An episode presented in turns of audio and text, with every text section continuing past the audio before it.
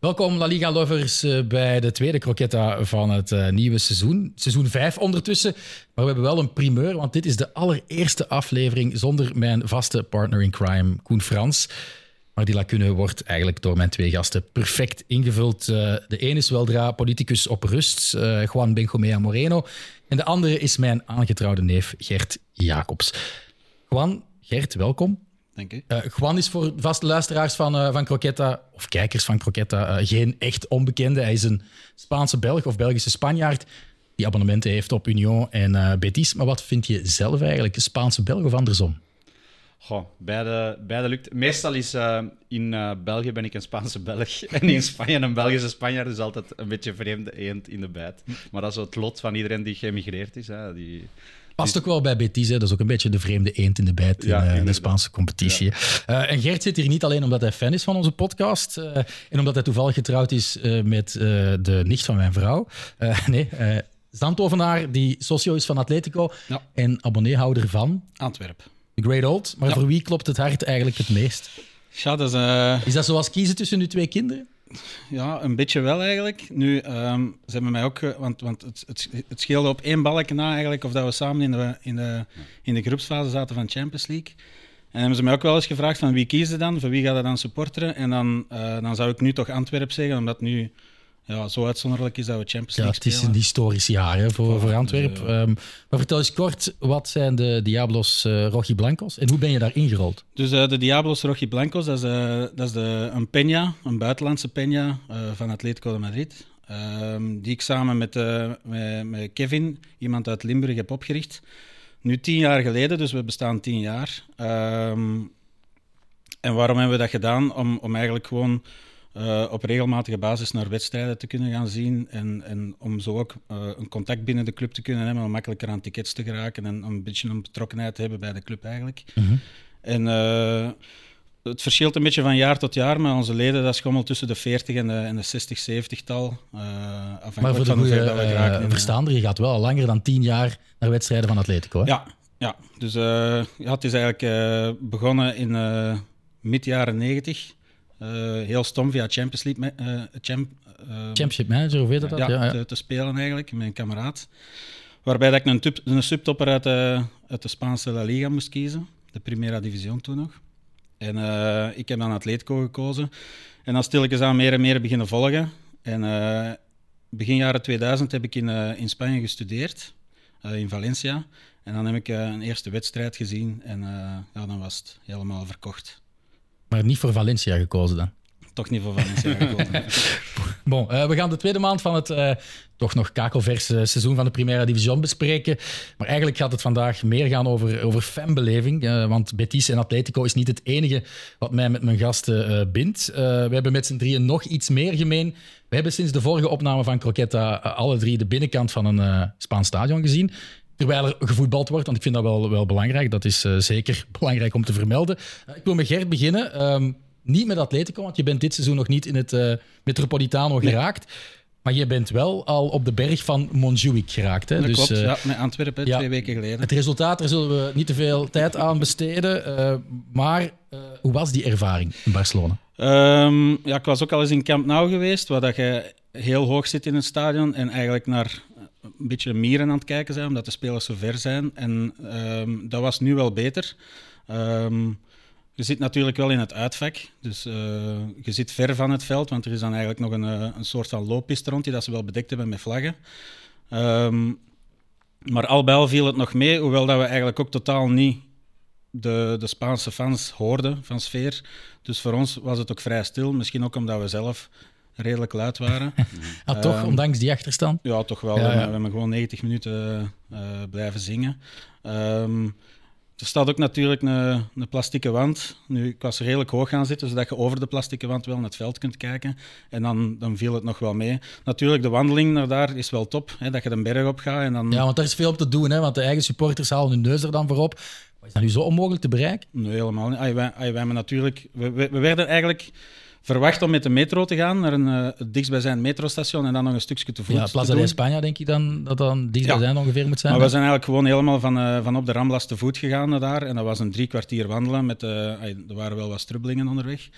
Maar, eh, ja, de Spaanse politie. hè. Ah ja, zo, ja.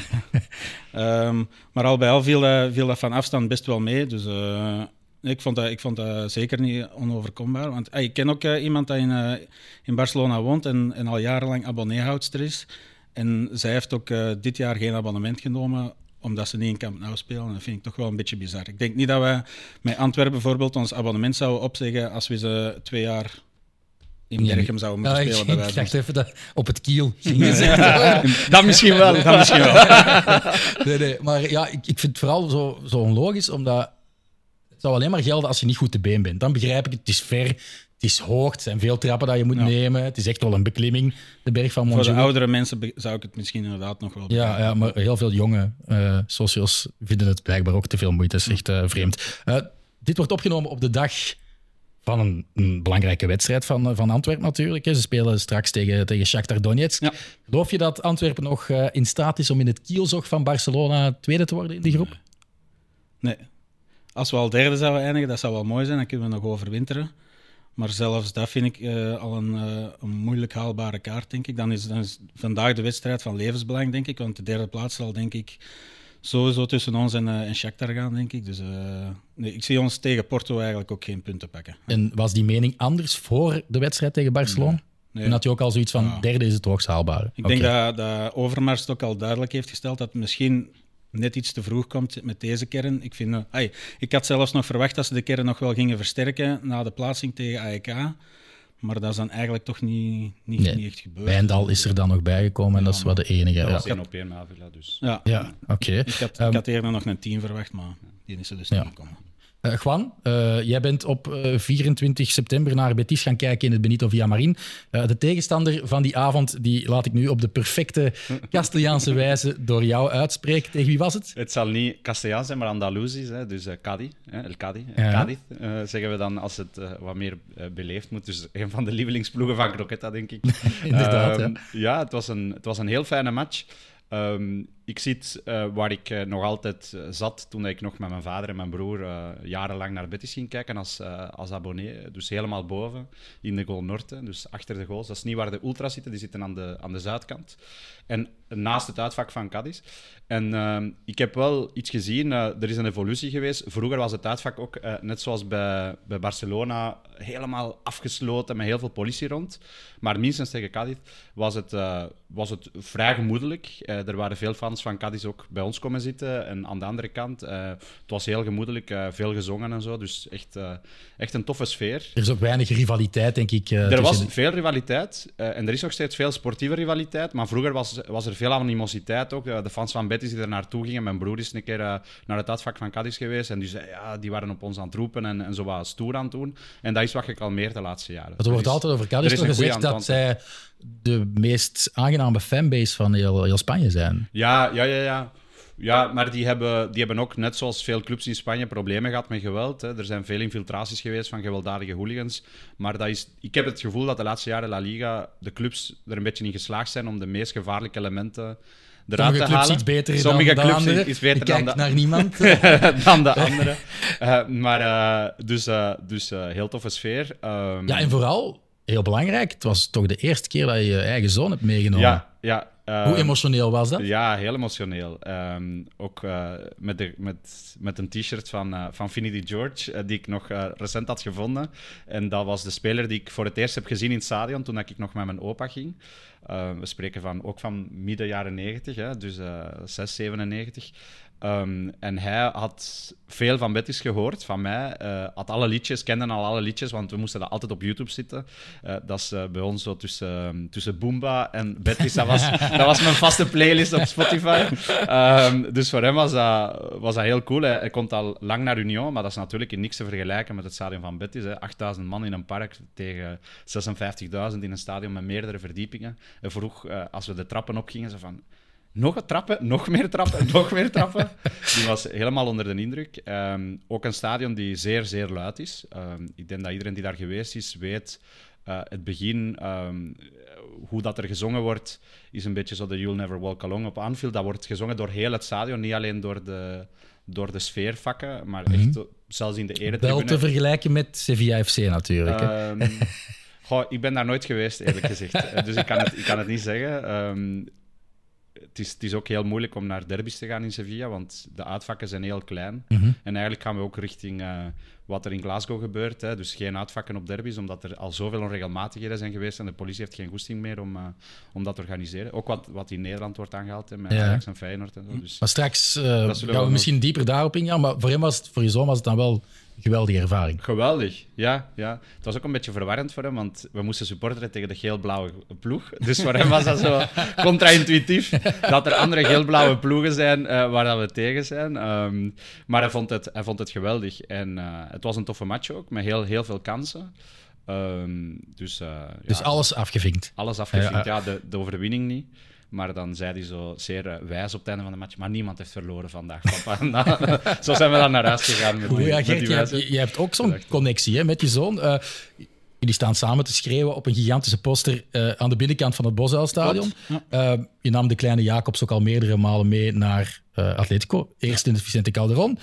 En in dat stadion mocht hij zelfs één keer als, als mascotte mee het veld op. Hè. Hoe kan zoiets als buitenlander? Ehm, ja, dat is, dat is natuurlijk dankzij dat we die Peña hebben, dat we een beetje contacten hebben binnen de club. En ik had dan gewoon puur informatief eens gevraagd van, ja, wij komen die wedstrijd eh, eh, naar het stadion. Is het mogelijk dat, eh, dat mijn zoon eens een keer mee oploopt? En dat was helemaal geen probleem, dus dat was, dat was De dan nee allemaal heb fijn je, ja kan je krijgen, dacht jij. En, Ja, voilà, is dat. En, eh, en dat, is- dat is dus ook gelukt. Eh, hij kon natuurlijk geen woord Spaans, dus hij was een beetje... hij was ook nog heel jong. Ik denk dat hem eh, vijf of zes jaar was. Dus eh ja, hij was volledig onder de indruk natuurlijk ook. Ja, Zoals mijn zoon. Ook ja. vijf jaar, ik denk op, op zo'n leeftijd, dat vergeet je nooit meer. Hè? Ja. Nee, nee, maar ja, het besef van wat er eigenlijk gaande is, is dan natuurlijk iets minder. Hè? Ja. maar hij heeft wel een souvenir ook meegekregen, hè? want ik heb een, een ploegfoto gezien. Ja, we hebben een met ploegfoto. Carrasco, Griezmann erbij en dan jouw Ja. zoon die er ook gewoon lekker op de grond naast Ja, zit. Dus eh, ja. En dan ook een foto met de, met de mascotte Indy. Eh, ja, hebben we ook toegestuurd gekregen van de club, dus dat is, eh, dat is allemaal wel mooi. Ja. en, eh, Toffe ervaring. heb je hem ook die richting ingeduwd of is hij er zelf mee afgekomen? Ja, wel een beetje gewoon meegepakt eigenlijk. Ik vind dat ook altijd moeilijk. Zo. Moet ik mijn eigen zoon... maar nu vraagt hij, hij, gaat, hij gaat regelmatig mee naar Antwerpen kijken. Hij heeft natuurlijk geen abonnement, want eh, de abonnementenverkoop is gestopt. Maar als er een abonnement vrij is van iemand, dan, eh, dan Ja. hij heel graag mee. Dus eh, ook al een paar uitwedstrijden meegedaan. Maar hij voetbalt nu ook zelf en dan is dat waarschijnlijk Voilà, wel iets ja. gemakkelijker om hij, is, een nu- hij, club is nu uit... ook, hij is nu 13 jaar, dus eh, het besef van Ja, voetbal is ja. nu ook veel groter natuurlijk. Ja. Valt dat niet te regelen in Sevilla, denk ik gewoon. Zo je zoon eens mee het veld op laten komen. Ongetwijfeld wel. Maar het is bij ons heel moeilijk om naar de matchen te gaan, want we gaan alleen tijdens de vakanties en dan zijn dat... Ja, dan is er geen voetbal in Spanje. Hè. In de zomer wordt er pas heel laat gevoetbald. Pas, eh, allee, steeds vroeger, maar normaal gezien was dat pas eind augustus. En in, tijdens de kerst wordt er niet gevoetbald. Dus eh, het was moeilijk om te gaan. Dus altijd een midweek speeldag uitpikken. Hè. Ja, Eh, het is dat. En, en, en het is ook heel moeilijk, want La Liga gaat de matchen pas heel laat inplannen. Hè, Dus in andere competities, in België is dat nu steeds beter, hè, dat je minstens zes, zeven weken op voorhand weet. Bij La Liga is vaak tien dagen op voorhand. Ja, ja. En dus als je zegt, we gaan eens een weekend gaan, op bezoek eh, bij oma enzovoort, ja, je weet niet of de match gaat zijn op vrijdag, zaterdag, zondag of maandag. Dus, En hoe laat is ook nog... en hoe laat eh, ook. Je moet dus- eigenlijk al van vrijdag tot en met maandag, eh, Ja. zelfs eigenlijk dinsdag gaan, want soms Ja. zijn er ook maandagwedstrijden. Ja, Dat is een mooi bruggetje, want dat heb ik nu net meegemaakt. Want ik heb een citytrip geboekt naar, naar Bilbao. ehm, met het besef, er is een midweek speeldag. Ja. Rond de drie dagen dat ik vast Ja. heb gelegd. Of het nu woensdag, donderdag of eh, dinsdag is. ehm, de match, dat weten we inderdaad pas tien dagen op voorhand. Dat bleek nu eh, woensdag te zijn, dus dat kwam perfect uit. Pal midden in de drie dagen dat ik mijn vrouw mee had genomen om de cultuur van het Baskeland op te snuiven en ze ook kon overtuigen om dan één keer mee te gaan naar het Samames. Ehm jullie zijn er nog niet geweest hè, in het Nee. Samames, dus ik zal even ja, toch ook mijn ervaring even uit de doeken doen, want ik vond het wel heel leuk. Eerste keer Bilbao, geweldige stad, aanrader voor iedereen. Ehm, en dan Samames ligt echt pal in het midden van de stad. Dus ik denk dat je van het Guggenheim Museum vijf minuten wandelen naar het Samames geraakt. Maar dat is al vaker in Spanje. Hè? Er zijn de nieuwe stadions. Allee, Atletico is denk ik een van die die uit het centrum Ja. zijn gegaan. Maar de Ja. meeste stadions in Spanje liggen heel centraal in de Ja, stad. Berna- Bernabeu en, en, Ja. en ook Vicente Calderon was ook gewoon recht, eigenlijk in het eh, centrum. Camp Nou is ook eh, vrij centraal. eh, het stadion wel van Betis. weg uit het centrum. Ja. Hè. Camp Nou is niet echt in het centrum van Barcelona. Maar het was wel mooi om te zien. En ehm, ja, ik heb een VIP-experience mee mogen maken. Ik had daar mij helemaal niet aan verwacht. En, en zal eens vertellen hoe, hoe dat je dat kon zien, dat ik mij daar helemaal niet aan verwacht had. Voor aftrap, nog even buiten, cafeetje. Pint gekocht, uiteraard, om iets te drinken. Maar ook een bocadillo, con tortilla. in zilverpapier. In de veronderstelling van ja, we gaan gewoon tijdens de rust, wat de traditie is in Spanje, zoals elke Spanjaard dat eigenlijk doet in een voetbalstadion, ja, een, een sandwich eten. Uh, blijkt dan dat er VIP-experience op mijn gekregen ticket van 11 de Zone, dank je daarvoor, uh, stond. Um, en vond dat we nogal een mal figuur sloegen voordat we daar binnenkwamen. Ja. met, met een halve baguette uh, in, in aluminiumfolie. hoogstaande Baskische keuken kreeg. Ja, ja oké. Okay. Ik moet zeggen, um, ik ga niet klagen, hè, want ik vond het een geweldige ervaring. Mijn vrouw was ook ineens veel gelukkiger dat ze mee moest naar de voetbal. Want het was met um, ja, spijs en, en drank dat gratis was. Waren er kroketten?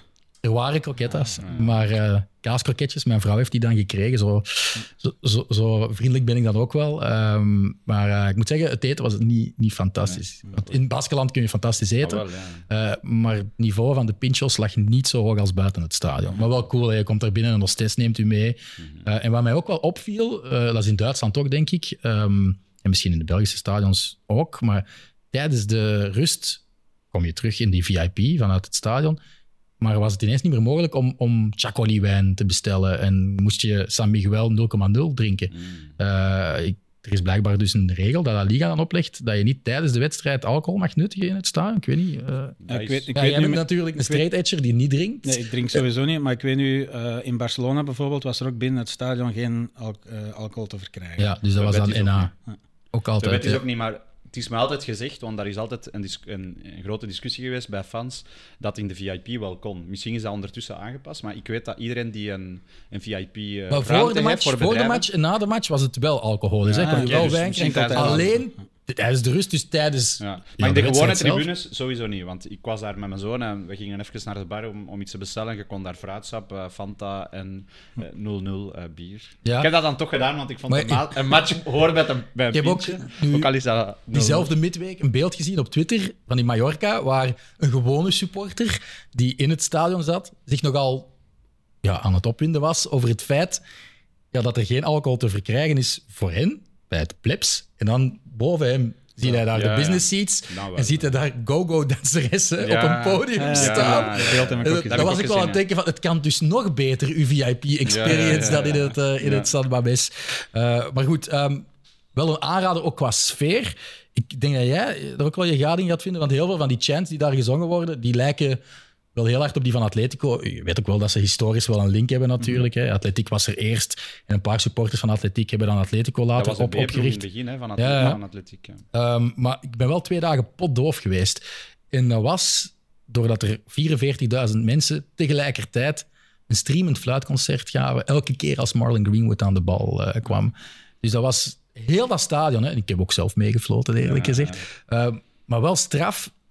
En het is raar om te zeggen, want je hebt toch het gevoel dat dat een soort negatief supporter is, want het is uitfluiten. Want het was tegen Getafe, dus niet alleen Greenwood moest uh, het, uh, het, aanhoren, ook die andere spelers, Bordalas, ook omdat Getafe... Ik heb ze een paar keer in de podcast verdedigd, maar ga ik nooit meer doen, nu dat ik dat mijn eigen ogen heb gezien. Wat was dat? Um, maar toch had je het gevoel van, ja, maar dat geeft, geeft wel iets. Dat geeft zo'n soort uh, samenhorigheidsgevoel, ook al is het iets negatief. Mm -hmm. Maar je wordt automatisch supporter. En in, in zo'n zo'n prachtig stadion, waar geen atletiekpiste ligt, waar de akoestiek geweldig is, voelde mij ineens volbloed Bask. Ik ben gewoon een successupporter waarschijnlijk, maar ik wil wel heel cool om mee te maken. Goed, um, nog niet geweest op een away day, maar jullie doen dat wel regelmatig. Gert, jij gaat nog vaker mee op Europese verplaatsing met Atletico dan dat je naar het eigen stadion gaat, of toch ja, nu, regelmatig? Ja, we hebben natuurlijk de laatste uh, tien jaar onder, uh, onder Simeone natuurlijk wel wat successen geboekt, Europees ook. Dus dan, uh, dan hebben we wel wat tripjes meegedaan. Ja, en wat maakt zo'n away day zo speciaal?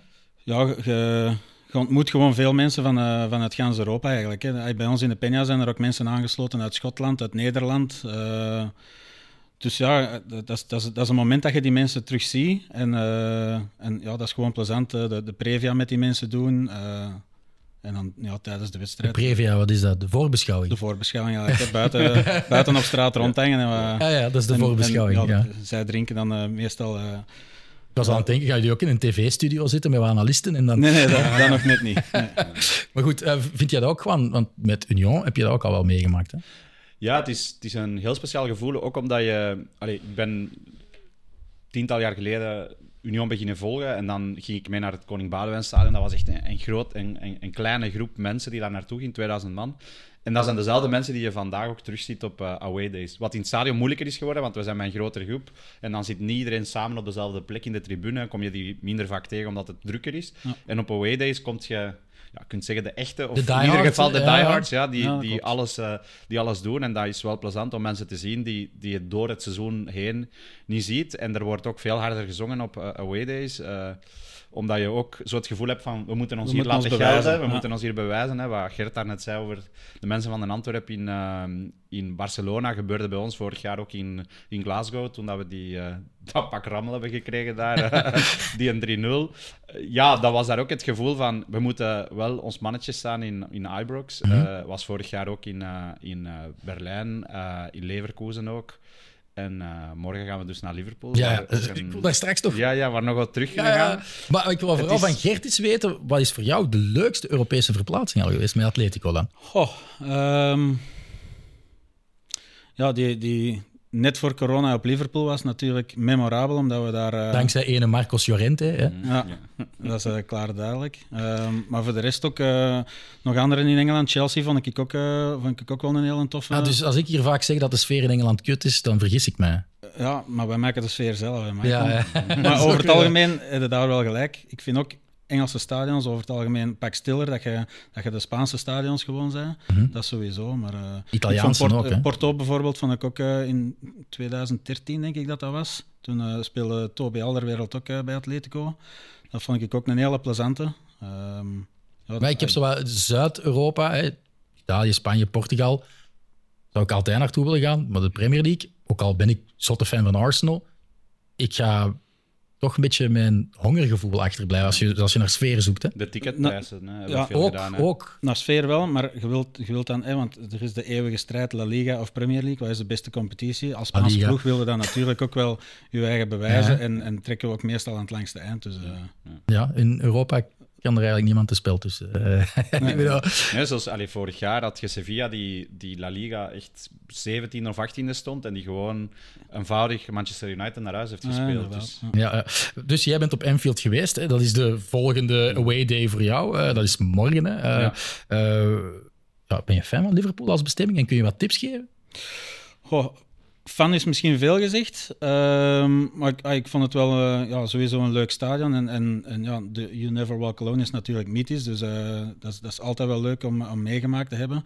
Natuurlijk ook eh, in eh, de straat van de Beatles eh, wat cafeetjes gedaan en zo, dus dat is, dat is altijd wel, dat is, dat is zeker een goede tip. Dus daar moet je wel om tijd lekker te voor eten nemen. moeten we wel niet naar daar gaan. Nee. Nee, nee oké.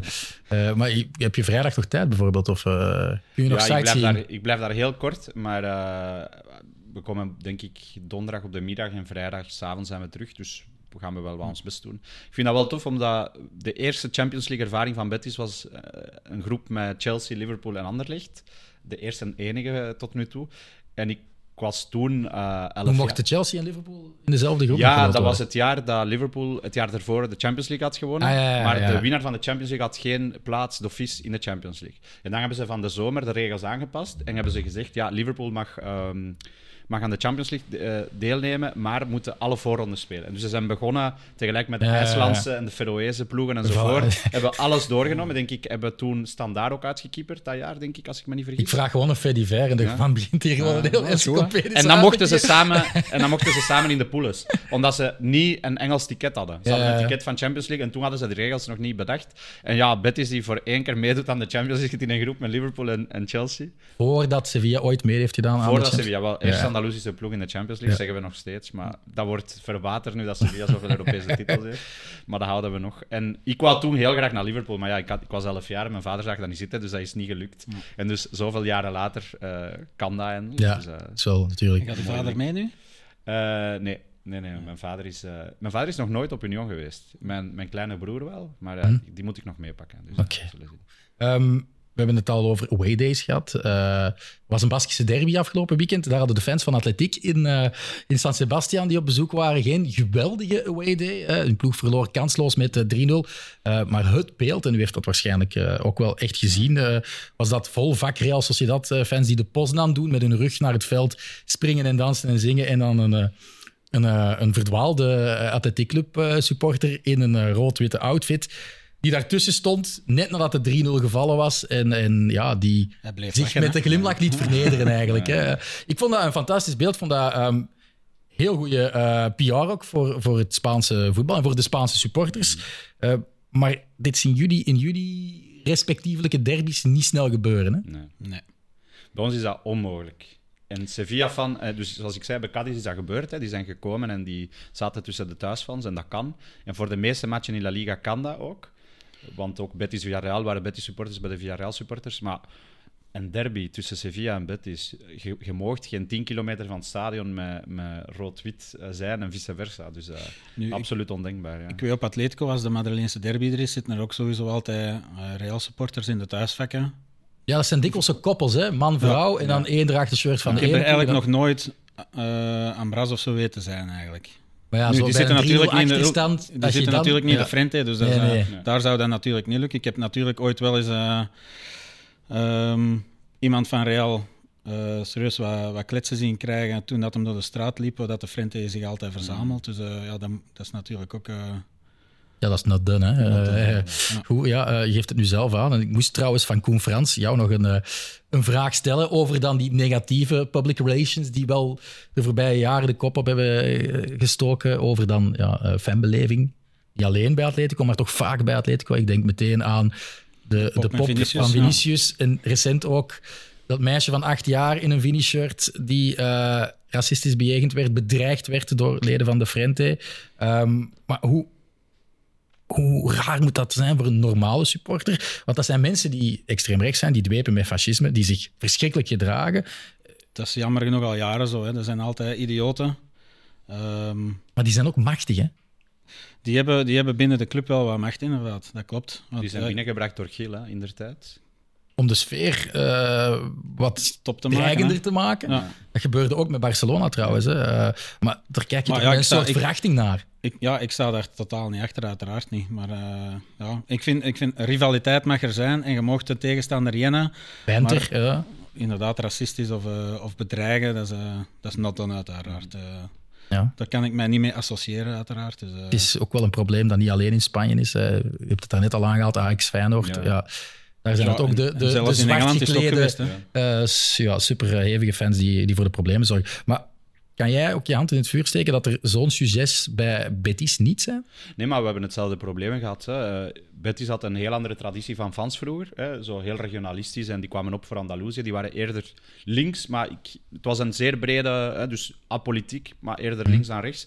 En dan heeft de, de, vorige voorzitter, Lopera, om dezelfde reden ook een groep extreemrechtse fans binnengelaten in de club. Om inderdaad voor een stuk de linkse contestataire fans die niet blij waren alsof met... Alsof racisten alleen maar kabaal kunnen maken. Ja, ja nee, maar bij hem, was dat, bij hem was dat met een andere reden. Dat was, die vond dat de georganiseerde fancultuur, dat stond hem niet aan, want die contesteerde heel vaak wat hij besliste. En hij wou trouwe fans. Mhm. En dat waren die, die fans die hem binnengebracht heeft uh, wel.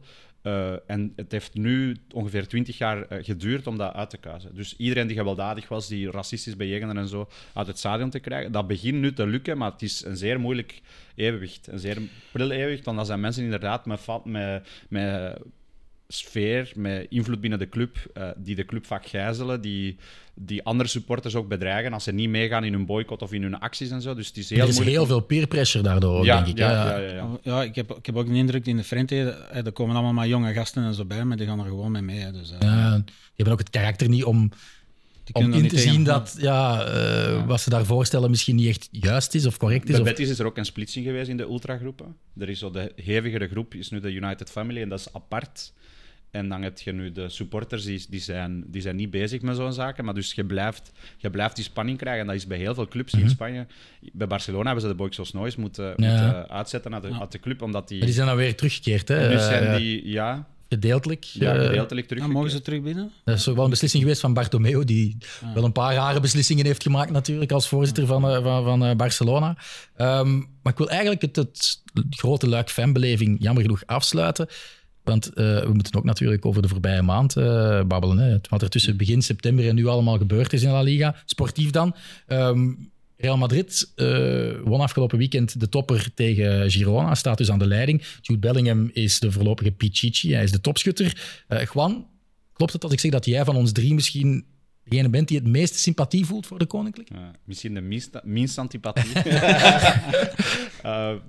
Ja, goh, ik, Maar als je moet kiezen tussen Barcelona en Real, kies jij voor, voor ja, voor geen van beide, maar eerder Real. Ja, Ja. Ik- en, en het is geen... Maar ik vind eigenlijk dat de morele superioriteit van veel Barça-fans vind ik soms gewoon misplaatst. Ja. Als, als Betis-fan... eh, omdat ik vind dat beide clubs eh, de laatste decennia eh, wel een houtgreep hebben gehad op het, op het Spaans voetbal. Vaak ook met oneerlijke praktijken die nu ook naar boven komen. Ik denk dat jullie beste vrienden gaan worden. En, als ik dat zo... en, en, dus, en dus misschien als overcompensatie voor die morele superioriteit van de Barça van, denk ik soms van ja, is Barça veel beter dan Real op dat vlak? En vind ik dat je even goed sympathie of antipathie kunt voelen voor Real. Dus eigenlijk de pest en cholera en dan kies jij voor cholera. Ja, Om, om contrair te doen misschien. Eh, zeker in België. Maar, maar mogen we eh, zeggen dat... dat... Maar ik, ik, ik, ik vind wel dat, en ik vind ook dat ze de laatste jaren ook vaak heel mooi voetbal hebben gebracht. Hè. Er is bij- Madrid, maar ik wou net vragen, mogen we zeggen dat dit seizoen Barcelona en Atletico wel mooier voetbal brengen dan Ja. degene die aan de leiding staan? Ja, eigenlijk wel. Ja. Maar ik vind wel, qua, qua spelers ben ik veel meer gecharmeerd van Bellingham dan, dan, van, dan Griezmann of Lamine Yamal of, eh of Joao Felix. Ik Mhm. vind dat die, wat dat die brengt op zo'n leeftijd, eh, de maturiteit dat hij Ja, heeft binnen ja. de club. eh, We gaan straks ook even de, de, de voorlopige MVP's ja, voilà. Maar aanhalen. ik vind op dit moment vind ik hem, vind ik hem bijzonder charmeren. Ik vind Real... Ja, het is misschien niet ehm, het mooiste voetbalstilistisch. Lijkt niet super gestroomlijnd, nee, vind ik. Nee, eh, ze hebben heel veel problemen in de verdediging. Eh, en dat is geen verrassing als je weet dat Militao uitligt, Alaba Ja, uitligt, het, Courtois, Courtois. uitligt. Heel veel problemen, maar ze staan wel aan, aan de kop van het Ja. klassement. Doet het in Champions echt wel... ook goed. En het is wel misschien... Hoeveel, hoeveel kansen ik kan misschien ze- vloeken in de kerk, maar het is misschien het meest Atletico-achtig Madrid dat we de laatste jaren hebben gezien. Qua mentaliteit, Denk qua manier van spelen.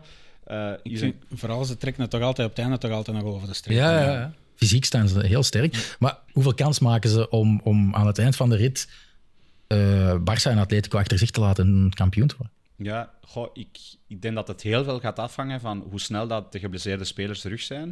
We hebben dat gezien met Vinicius. Hè. Die ging eerst ehm, 42 dagen of, of allee, bijna, bijna drie, vier maanden oud zijn. Die is nu al terug. En Mhm. Heeft ziet direct tegen. Napels. Hè? Hè, dus het is misschien hetzelfde met, met Militao, met Courtois. Als die snel, terug, eh, snel genoeg terug zijn, eh, dan krijg je denk ik wel een spannende competitie Mhm. dit jaar met drie ploegen die elkaar waard gaan zijn. En denk ik ook met een top 6, top 7 die misschien sterker is dan de laatste jaren. Met Girona daar dan ook Hè, nog Girona bij, die erbij komt. eh, je hebt de Athletic Club die terug is, vind Mhm. ik. Hè. De- die hadden een paar slechte jaren, maar die zijn dit jaar heel stevig aan het seizoen begonnen. Real Sociedad die ook heel stevig aan het seizoen is begonnen.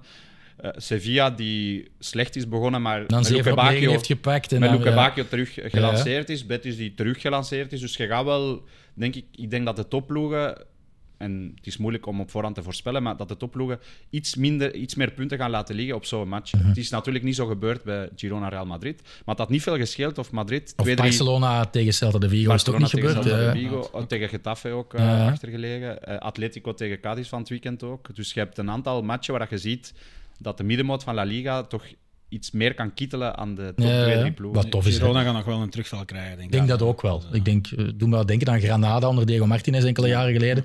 Die ook zelfs tot in november mee aan de leiding stonden. En dan ook Ze wel... hebben wel Europees gespeeld dat seizoen. Hè? Dus Ja. voor Girona is Ja, dat, Dat zou mooi zijn, ja. Ehm, daarnet zei je al Bellingham. Als je ja, drie spelers, denk ik, moet aanduiden die kans maken om eh, MVP of the first two months. eh, en waarschijnlijk trekken ze dat wel door naar het hele seizoen. Als je daar drie moet uitpikken, ja, dan, dan kwam ik uit bij Bellingham, Gavi en Antoine Griezmann. Z- zien we iemand over het hoofd? Je hebt nog namen opgeschreven, Ja. maar ik wil van jullie eens horen. Take Kubo had ik al Ja. eh, opgeschreven. Voor, voor mij is dat de sensatie van het seizoen. Ook vijf keer gescoord al. Hè? ja, Eh, en, en ja, als je ziet hoe dat hij de, Bas, allee, de Baskische derby in de plooi heeft gelegd. Mhm. En een heel, hele toffe speler om te zien. Het is ook geen... Het is niet het stereotype van een, van een Japanner ook. Ook in zijn communicatiestijl. Ja. Zo'n hele, hele grappige speler. hij, die hij kan is heel... heel, direct in het Spaans. Ja, zijn vieren van het weekend zo aan het twerken. En... Ja, maar hij is heel direct blijkbaar ook in zijn communicatie in het Spaans. Want hij is op heel jonge leeftijd bij. Barcelona terechtgekomen. Daar tien jaar, ja. moest hij dan vertrekken omdat er dan iets eh, niet helemaal Ja, ja, dat, dat was. mag niet. mocht. Dat mag niet van de FIFA. Je mag niet getransfereerd Nee, worden. en jong, dan is hij eh, teruggekeerd naar Real Madrid. Dus hij is heel mondig in het Spaans. Blijkbaar ehm, ja, is hij in het Japans Ah, ja. ultra beleefd, maar ook wel geassocieerd met Japanners. Ja. Maar omdat er toch een soort nuance is tussen die twee talen, slaagt hij er elke keer in om op de lachspieren te wekken als hij in het Spaans dingen zegt. Ja, dus, ja, eh, is- en die is heel grappig, want die praat zoals iemand van Madrid. Die praat zoals, eh, zoals jonge gasten van Madrid. Mijn neefjes wonen in Madrid. En als ik hem hoor, denk ik, dus ja... dat, is, dat is bro hier en bro daar. ja, ja, ja, ja, in het Spaans natuurlijk. eh, Hevig, waar zijn nog de tienerwoorden? die, ja, is wat. ja, ja, dus- Dat ja, ja, maar inderdaad, die, die, de scheldwoorden komen er makkelijk uit in Spaans. En, en, die, en die is ook wel heel hard Dus op dat zijn is gemak. altijd met Caro en toe. eh, eh, En het is wel grappig, want gaat eh Odegaard, die Mhm. ook eh, een moeilijke start kende bij Real Madrid, en die is dan naar de Sociedad gegaan, en die, was, die is daar helemaal on- opengebloeid. opengebloeid, en nu is dat met Kubo ja, ook hetzelfde. ja. Dus dat is wel ook tof om te zien. mooi. Dus dat- Arsenal gaat Take Kubo halen volgende zomer en dat wordt Ja, daar ook... eh, ja. ik hoop van niet. Ik hoop dat hij gewoon in La Liga blijft. Maar andere namen die we misschien nog snel willen vernoemen. Victor Tsigankov van, eh, van Girona, want hij is toch de beste speler eh, van een team dat lange tijd aan de leiding stond. En we gaan straks over Griezmann nog verder babbelen en over Bellingham en Gavi, maar Saunigas heb ik ook nog opgeschreven. Ja, vijf assists nu zeker? Ja, en er, in het basketbal heb je ook zo Most Improved Player. Ja, ja. Ik denk dat hij daarvoor in aanmerking Ja, komt. Zeker tegenover de afgelopen twee jaar, Ja. denk ik. Ja. Want dat was eigenlijk bijna weg. Ja. Ja, eh, Ja, bij Chelsea ook gezeten. ook. ja. Chelsea. Maar ik denk dat, dat, eh, dat het goed is geweest dat hem gebleven is. En eh, ja, hij is, hij is terug helemaal herboren. Hè. Ja.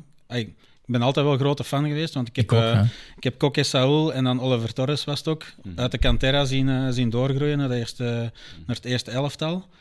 En ja, Saúl had altijd het meeste klasse, vond ik. Hoewel dat Coque misschien het meeste impact heeft gehad eh, over al die jaren. Maar ik denk voetballistiek is Saul sterker. Ja. Dan denk ik altijd terug aan de goal dat hem op Bayern München maakte, dat hem daar eh, door de verdedigingsslalom en in versen ook binnenlegde. En hoe komt het dat, eh, dat hij terug is van die terugval? En aan wat lag dat? Is dat was dat fysiek? Misschien was dat een- vertrouwen, ik weet het niet. Dat eh, Ja, hij heeft al wel veel fysieke problemen gehad. Ja. Hè, want, eh, wat Maar was dat? is hij terug fit? Of? Had hij geen, heeft hij geen nier laten vervangen en zo? Saul Niguez? Er is zo'n heel verhaal dat hij in de periode dat hij dus kei goed was, en ik denk zo rond dat doelpunt van tegen Bayern München, dat hij daarvoor lange tijd oud was met een zware niercrisis en dat hij zijn nier heeft laten vervangen, denk ik. Of toch één laten weghalen heeft. Dus wat, we, we, we wijken weer eh, een beetje af. Eh, van Saul, die het fantastisch goed doet, wil ik wel even over naar een andere centrummiddenvelder in Madrid, maar dan bij het- de verkeerde kleuren. We hebben het daar net al even over hem gehad, maar ik wil verder gaan over, over Bellingham. Eh, het is toch waanzinnig, hè? 20 jaar jong. Eh, eerste seizoen in Spanje, als Engelsman niet zo evident. hè. Eh, er zijn genoeg voorbeelden. Eh, Jonathan Woodgate, Michael Owen, zelfs Beckham, die, eh, die het iets minder deden dan verwacht eh, bij Real. Dus dat is een zware last om te dragen. En wat doet meneer? Oh, welke rugnummer hebben jullie vrij? Oh, ik pak dat van Zidane wel, rugnummer 5. Hè. Eh, maar zelfs Zidane had een aanpassingsperiode nodig. Deze Bellingham totaal niet. Hè? Want ook in de Champions League toont hij zich erg belangrijk. Nog net in Al Napels. twee keer, hè? Ja. Maar wie had dat verwacht van, van, van Bellingham? Dat het zo in stijgende lijn zou gaan. Hij was goed bij Dortmund, akkoord. Hij was daar veruit de beste na het vertrek van Haaland. ja. Ja, ja, met Engeland is hij ook goed, maar toch 20 jaar jong. En Hij staat ook op één voor Golden Boy, zeker. Hè? Ja, eh, hij heeft ooit die trofee aan Gavi moeten, eh, moeten laten. Dus eh, dat is een paar jaar terug al wel. Maar ja, ik vind, ik vind wel terecht dat hij op één staat voor de Golden, voor de golden Boy. En, en als hij zo verder doet, dan, dan zal hij in de Ballon d'Or ook, denk ik, hoog Ja, eindigen. Eh, goed, eh, Zonder hem weet Waar niet hoe zijn dat Real Madrid zou Want dat is- Ja. Ja, hij de is, al, hij is al te heeft goed voor Real. Bedoel, als dat kan. Hij is al te goed voor Real op dit moment. Ja, nee, dat kan Wat niet. kan je nog hoger? Nee, Ja, ik, wou, het- net zeggen, is er nog iets, City, maar ja, die mensen nog iets hoger? Ja. Denk schitterend in Engeland dat dat ook nog wel ergens in zijn achterhoofd zit. Hij is nog piepjong, dus nog alle tijd om dat te doen. Maar ja, bij Birmingham op zeer jonge leeftijd weggeplukt.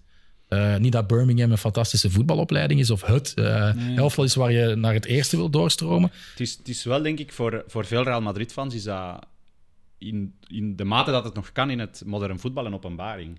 Want ze hadden hem niet zoveel gezien. Dortmund was de laatste jaren ook op Europees wat minder. Dus. Real Madrid is er niet gekruist of, of in, in de gedachte van we gaan die tegenkomen. Ehm, en Er zijn ook al wel wat 100 miljoen transfers gedaan door Florentino. Ja, die zijn die- daar ja. En dus voor hen was dat een totale openbaring van wat hij kan. En hij is nu al... eh, de, de fans van Real Madrid zijn lyrisch over hem. Elke, elke, elke wedstrijd is een ontdekking. Die, die hebben ook het gevoel, net zoals het Zidane in der tijd, van het is een speler die heel het middenveld naar zijn hand zet. Ehm, die ook wel, vind ik, goed past bij een, bij bij een coach als Ancelotti. Want dat is een coach die heel veel vrijheid geeft aan de spelers, die niet zo met, met vaste tactische systemen werkt. En Bellingham is zo'n speler die, die daar wel goed in gedijt. Ja. Hè, die kan wel een strakke rol opnemen, maar Die als je hem past zegt niet in van... een keurslijf. Ja, als je hem zegt van je mocht alles doen van eh, verdedigende middenvelder tot aanvallende middenvelder tot op de wings en zelfs soms als valse negen spelen, ja, dat is, dat is perfect voor hem. Dus ik denk dat de match met waar de club op dit moment zit, op zoek naar een nieuwe leider na het vertrek van Benzema, de coach die niet eh, een heel precies tactisch idee heeft van hoe dat de, de ploeg moet spelen, voor hem een cadeau is. En natuurlijk, hij, hij aanvaardt het en hij pakt het en, eh, en hij doet het geweldig. Ja, dus- Eh, wie het ook geweldig doet, is iemand waar ik een enorme boon al voor heb sinds dag één. Ehm, eh, de 19-jarige Andalusier van slechts 1,73 meter, die kopballen bij een corner afpakt van Jules Koundé. De man die alles in de strijd gooit. Zelfs Robert Lewandowski openlijk aanpakt als hij een domme overtreding maakt als eh, spits. Ik zou zeggen, takes one to know one eh, op dat gebied wel. Ik heb het over Gavi. Eh, ik vind er alles geweldig aan. En ik heb opgeschreven, hij is Puyol, maar met de kwaliteiten van, van Xavi. En het is een Sevillaan en een Betico. Doet dat dan geen pijn? Gewoon? Ja, hij is niet de eerste die, die vroeg van onze cantera wordt weggeplukt. Ehm, hij komt van Los Palacios, hè, dat is zo een bekende, een, een klein dorpje in... in, eh, in Waar ook Jesus Navas waar ook en Jesus Fabian... Nava en- ja, ja. Eh, dus die, die een onwaarschijnlijke voetbalproductie heeft. En die kennen ook allemaal elkaar. En, ehm, en hij heeft ook, in de, allee, heeft ook in een aantal jaar in de cantera van Betis, er zijn daar veel foto's van. Eh, hij heeft wel nooit zijn liefde voor Betis betuigd. En daar, daar zit een aantal Dat fans steekt, dwars. ja. Ja. dat steekt bij velen. Omdat ja, de meeste Betis, eh, allee, de meeste spelers die van de cantera komen, zijn echt voor het leven verkocht aan Betis en spelen, spreken heel de tijd van dat ze willen terugkomen. Fabian, Ceballos enzovoort. Maar bij hem is dat niet het geval geweest. Maar wel, ja, een onwaarschijnlijke speler. En, en inderdaad, die, die heeft iets dat je niet associeert bij La Masia. Dat vind ik er ook zo tof aan. Ja, ik- wel. Hè, die vechtersmentaliteit, hij is Is technisch... toch de droomspeler van El Cholo? Ja, Eigenlijk wel. eigenlijk wel, ja, ja, ja. Ja. Allee, die, die wedstrijd nu, waar hij die bal met zijn, met zijn, met zijn cojones van de lijn keert. eh, Ja. Hij is overal te vinden. Het is, Ja. het is een Duracell-konijn. Ja, ik, ik vind hem fantastisch. En de meeste mensen... Ja, maar Pedri is beter. Technisch schort daar toch iets... Technisch schort daar niks aan aan Gavi, hè? Nee. Dus ik, ik ben waanzinnige fan. eh, en ik ga waanzinnige fan blijven, denk ik. eh. Maar hij is wel... Mentaal is, hij- gaat hij soms te veel in overdrive. Hè. Ja, die, En die, dus past hij nog Het heel jonge goed bij. enthousiasme hè. waarschijnlijk. Ja, maar ook gewoon... Het is ja, echt hoe- een Atletico-speler in een Barça-shirt, hè? Ja, maar hoeveel tackles had hij eh, op, echt over de, Ja, over de ja. streep? En, en ik vraag me af van, ja, speel die bij een andere club waar de druk van het, hè, van het Maar stadion... het is ook trash talk, constant. Hè? Ik bedoel, 19 jaar en tegen de allergrootste eh, in de Champions League of eh, in de Europa League of in de Primera Division. Gewoon heel de tijd babbelen. Hè? Heel de tijd. Hè? Ik bedoel, dan sta je toch sterk in je schoen. Er werd vorig jaar veel vergeleken ook met Casemiro, hè, omdat, die, Ja, ja, omdat Casemiro ook Ik vaak... vind dat ook wel terecht. Ja, ja. Ja, toch heb je dan voor Gabi toch een beetje meer sympathie, vind ik. ja, dat is omdat hij niet bij, bij. Real Ja, ja, ja, speelt. ja, ja. Terwijl Casemiro krijgt nu wel de ene na andere rode kaart Ja, nu wel, hè? in Nu wel. Engeland. Nou, dus, bizar, hè? ja. Toch misschien dat hij, ondanks het feit dat de VAR daar geen goede beurt heeft gemaakt, kunnen we misschien zeggen dat de arbitrage in Engeland op een hoger niveau staat dan, eh, dan in Spanje. Iets hoger niveau. Eh, Antoine Griezmann, Gert, ja, eh todo campista. Hè? Ja, Man van dus- uitstekende cijfers in 2023. Een voet in 24 doelpunten sinds 1 januari. Maar, Ik vind hem echt ja, waanzinnig maar hoe bezig. boos was jij na zijn transfer naar Barcelona? Ja, het boos vooral teleurgesteld ook. Hè. Ook de manier waarop was met, met, met, zijn, met zijn video. En dan, en dan toch met hangende pootjes terugkomen. Ja. Ehm, maar hij is, hij is terug in de armen eh, genomen. Dus die ik. boosheid is bij u helemaal weg. Ja, voor mij wel. Ik, ey, het niveau dat hem haalt is waanzinnig. Alles in één tijd. Van, ey, dat, is, dat is ook het, het, het, het Cholo nieuwe Taka. Cholo Ja, ja. Voetbal, like dat ze zeggen. Ehm, ja, en dat, dat past hem perfect bij. Ik vind hem echt, eh, ik vind hem echt waanzinnig spelen nu. Ja. En dat hem van Real Sociedad gehaald is destijds, was het nog meer een flankspeler. Maar Cholo heeft hem helemaal omgevormd tot, eh, tot wie dat hem nu is, denk Ja, ik. maar het is moeilijk om er een positie op te plakken. Hè? Ja, overal Want soms loopt hij gewoon mee naar middenveld met kokken hè, en eh, dan komt hij daar de bal halen. Dus, eh, en het feit dat hij ook altijd truitje nat, zoals Gavi dat ook wel doet, mee komt verdedigen, soms sliding tackles in de 99ste Ja, je kunt minuut. hem niks op- nee, dus eh, hij Nee. doet er alles Ja, aan. is een beetje te vergelijken met wat Totti de laatste jaren bij Roma was. Zo een speler... Totti zou wel nooit in de 99ste Nee, minuut een speler gaan zeggen, Dat was iets En- lager, denk ik. Ja, dat, nee, nee, nee. Hij speelde hoger op het veld, maar het is ook een speler die, Ja, maar nee, Totti ging ook in het middenveld ballen Ja. halen en dan lanceerde hij Ja. andere spelers. hè, die, die, die geleerd heeft om meer in de opbouw te Ja, werken. Terwijl dat in het begin eerder inderdaad een Je pure dat wel vooral zo, uh, ja. naarmate hij dichter tegen de 40 kwam. Ja, eh, ja, ja. En Griezmann is nu denk ik 31 of zo. Of misschien. Iets al, misschien al wel ouder, denk ja. ik. Ja, Hij maar heeft nog wel een paar jaar te gaan eh, voor hij echt in de pensioen. Totti-era komt, denk ik. Ja, Eh, ja. maar ja, wel, wel Maar een mooie vergelijking. Ja, en ook de manier waarop hij, en natuurlijk, hij is geen one-club man, hè, hij zit al aan zijn derde club, eh, maar hij wordt vooral geassocieerd met, met, met Atletico. En die Ja, jaren bij Barcelona zijn Maar een collectief geheugen. ook wel. Hè? Want eh, als het over Atleti gaat en over het feit dat hij Barcelona, dan lekt weer uit van... Ja, maar toen ik bij Barça zat, keek ik wel alle matchen van Atletico. En Ja. ik had er ook zoveel vrienden. En het feit dat hij met die Uruguayanen... En, Ja, eh, Ja, dat speelt enorm in op de, op de fans ook. dat, eh, met, de, met de winst tegen Real, dat hem dan ook in de camera zegt van... Kinderen, morgen allemaal Atletico trekken aan Ja, de school. ja, dat is typisch, hè? Is, is geen dommerik. En hij is ook nooit moe. Want ik heb gezien dat hij ook analist is voor NFL-wedstrijden eh, bij, bij de Franse ook- televisie. Ook dus, eh, grote NBA-fan ook, hè? Ook, ja. ja. De- Dat is echt een man naar mijn hart eigenlijk. Goed, eh, MVP hebben we gehad. Young Player of the Season, daar kunnen we kort over zijn, denk ik. Hè. Uh, Lamine Yamal heeft een nieuw contract getekend, opstapclausule van eh 1 miljard euro. Eh, Koen Frans was hier vorige maand eh, bezig over niet meer zo onder de indruk van een jonge speler bij Barcelona sinds ene Leo Messi. Eh, wat vinden jullie als buitenstaanders van zo'n uitspraak? Ik vind het wat vroeg, eerlijk dat, gezegd. dat is inderdaad wel snel. Hij is, hij is nog heel jong. Ehm, Hij heeft inderdaad wel hij, heeft, hij flitsen. heeft natuurlijk waar- wel flair en, ja. eh, en, en, en, en hij kan wel supergoed voetballen. Dat, dat zal zeker waar zijn. Maar, maar om al direct met de, met de allergrootste te gaan vergelijken, dat vind ik toch wel... eh, Maar ik snap ergens, hè, dus het is niet van het is een nieuwe Leo Messi, maar de verwondering van zo'n speler die plots opduikt. Ja. En ook zo jong is, hè? 16 en ja, Spaans international scoren voor Spanje. eh, ja. Dat, ik snap dat ergens. En, en er is een, een, iemand heeft, allez, een van mijn Spaanse vrienden gebruikt een woord om hem te, te omschrijven. Ik, ik, ik vind het heel passend. Die zei, hij is elastico, elastiek. ja, ja. Hè? En er zit, er zit veel wendbaarheid en veel plotse versnelling in zijn spel. Mhm. Dat je bij een Ansu Fati bijvoorbeeld niet zag. Hè? Dat is een totaal andere speler. En, Ansu Fati was direct ja, naar voilà, doel. heel direct naar Ja, doel. eh, en, en, bij, en bij Lamine Yamal heb je het gevoel van, ja, dat is zo... eh, een lizard, hè, die zo, die zo Mhm. zich eh, wentelt en, en, en de ruimte zoekt en heel slim Ousmane loopt. Dembélé, maar dan beter. Ja, eh, ja, dat weet ik zelfs ook. Eh, Op dit moment, allee, met de beste Ousmane Dembélé, die is nog niet aan dat niveau. Maar hij is wel... Maar de beste Ousmane Dembélé, dat duurt twee matchen. En Ja, dat is waar, voilà, krijg je dus- weer die slechte Ja, versie. Vraag waar. maar aan de fans van PSG, Ja, ja, die hem al beu zijn op dit ja, moment. ja. Dus, Maar hij is... Ja, en, en zijn, zijn oproep voor Spanje was heel gecontesteerd. Hè. Dan was dat direct zo van, ja, het is weer... eh, dat hij nog geen belofte international was, zeker? Was dat niet omdat hij een ja, paar en stappen had gewoon omdat hij zo jong was en zo En ook, gespeeld eh, had. en- Marokkaanse bond trok ook aan zijn mouw. Dus Ja. Ja. Ja. maar het was ook met Gavi in der tijd. Hè, zo van, ja, eh, de spelers van, eh, de spelers van La Masia krijgen een vrijkaart. Hè, dat is zo Ja. het gelijkaardige discours dat je in, in België krijgt met de spelers van Neerperen. maar ik vind dat meestal, zowel voor Neerperen als voor La Masia, onterecht. Want als die komen, dan bewijzen die het ook. ja. Hè? Dan staan die daar en dan denk je, ja, inderdaad. Hè? Je, het, je kunt als fan van een andere club bitter zijn en zeggen, ja, dat kan toch niet dat die altijd weer iemand zo geflikt hebben. ja, vis Maar- is uit mijn vijver. Ja, ja, maar het klopt ook gewoon. Het klopt ook gewoon. En, en, en bij La Masia klopt het ook gewoon. Maar nu heb je ook geen Enrique Barcelona-connectie meer. Eh, de La Fuente, ik denk niet dat hij echt een link heeft met, met Nee. Barça. Want dat, dat, is, dat is een Bask die daar bij Athletic Club heeft gezeten en Ja. zo. Dus eh, Want ik weet er eigenlijk te weinig van. Komt hem echt al van, van de allerkleinste jeugdreeks eh, bij Barcelona? Of hebben ze hem ook ergens weggeplukt? eh, bij Barça B, volgens mij had hij nog niet gespeeld.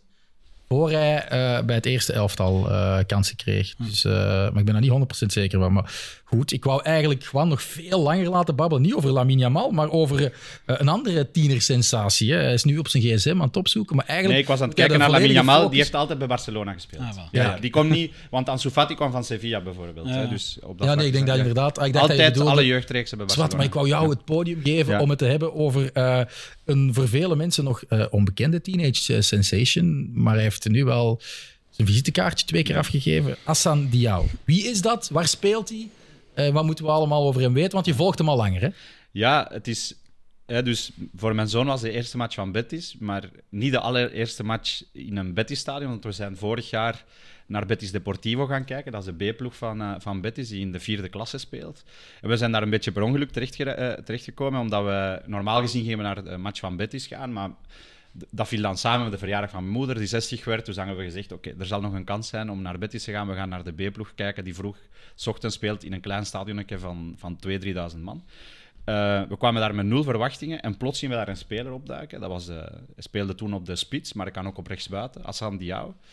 Die, uh, die in Andalusië in veel jeugdploegen heeft gespeeld. Eerst bij Badajoz in Extremadura, dan speelde hij bij Cadiz. En dan is hij bij Betis terechtgekomen.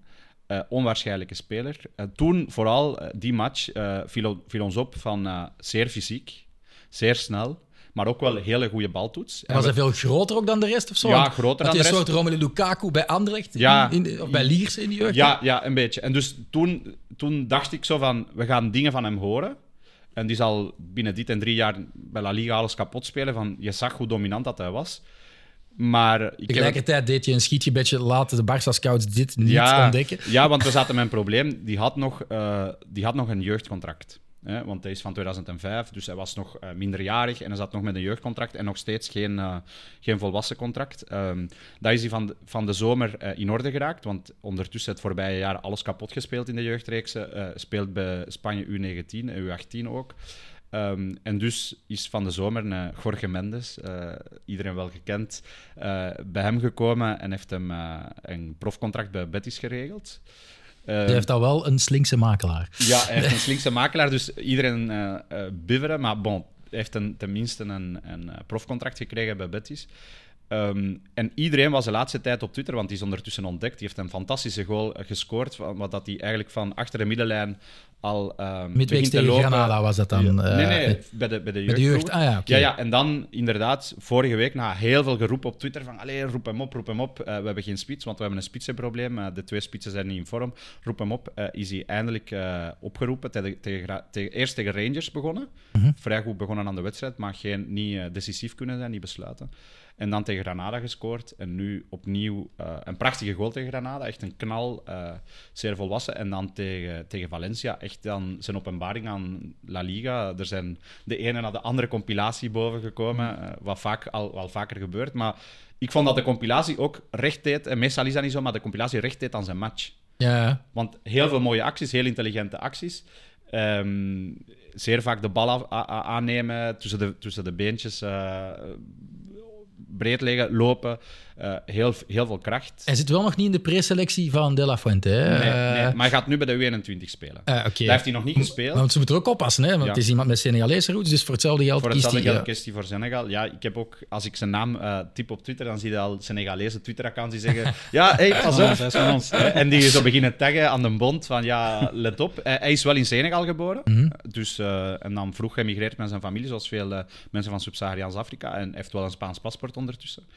Um, maar we gaan nog veel We gaan nog veel van hem, horen, van hem horen. Hij zit wel in een gigantische concurrentie bij Betis, want Betis heeft tien spelers voor de drie posten waar hij kan spelen. Mhm. Hij speelt niet als zuivere spits, maar eerder als uh, links of rechts buiten.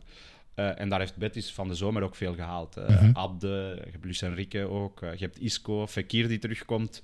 Dus hij gaat wel moeten knokken voor zijn plaats.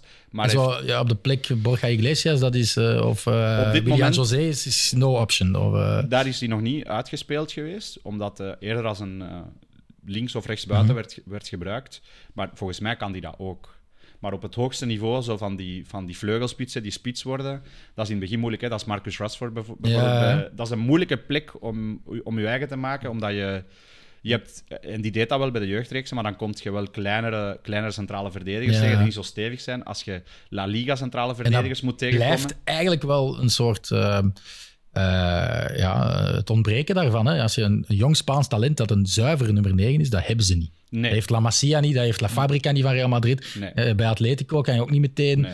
die Nino dat nu op komst is, maar zo ook meer een aanvallende middenvelder dan echt een spits. Dus ja, het Nee, is, als, als je het ziet, maar het is een probleem dat heel veel landen hebben. Hè. In Duitsland moeten ze dan Volkrug gaan, gaan oproepen. eh, en waren ze een, een paar jaar in geleden ook Spanje doen ze het met eh, Joselu eh, of Abel Ruiz van, eh, van. Braga. Dat zijn geen spelers die, die, die top wereldklasse zijn. Nee, nee. Dus voor hem, ja, er wordt ook, en het is ook wel een, een toffe evolutie, waar, waar voor veel debat zorgt ook. De, de frontlinie van Spanje binnen een aantal jaar kan zijn Lamine Yamal, Nico Williams en Hassan Diao. En dat zijn allemaal drie Jongens met kinderen... een donkere huidskleur. Ja, ja. met, met migratieachtergrond, wat in de Spaanse ploeg de laatste jaren eh, volledig ontbrak. En dat is wel mooi dat Mhm. Dat dat, mooi. doorbreekt. Eh, ik hoop Eh, alleen dat dat dan niet weer al dat racisme gaat ontketenen. Nee, Want nee. Bij, bij Lamine Yamal eh, had je, heb je eens een, een sportief journalist die, die je zat een foto met een viering van, eh van Lamine Yamal en Nico Williams. Mhm. En die zei, oh, dit is de Spaanse nationale ploeg. eh, wat, een, wat een schande. Ja. Dan is er keihard volk op hem gevlogen. Van ja, aanvaard het. Dat is het Spanje van vandaag.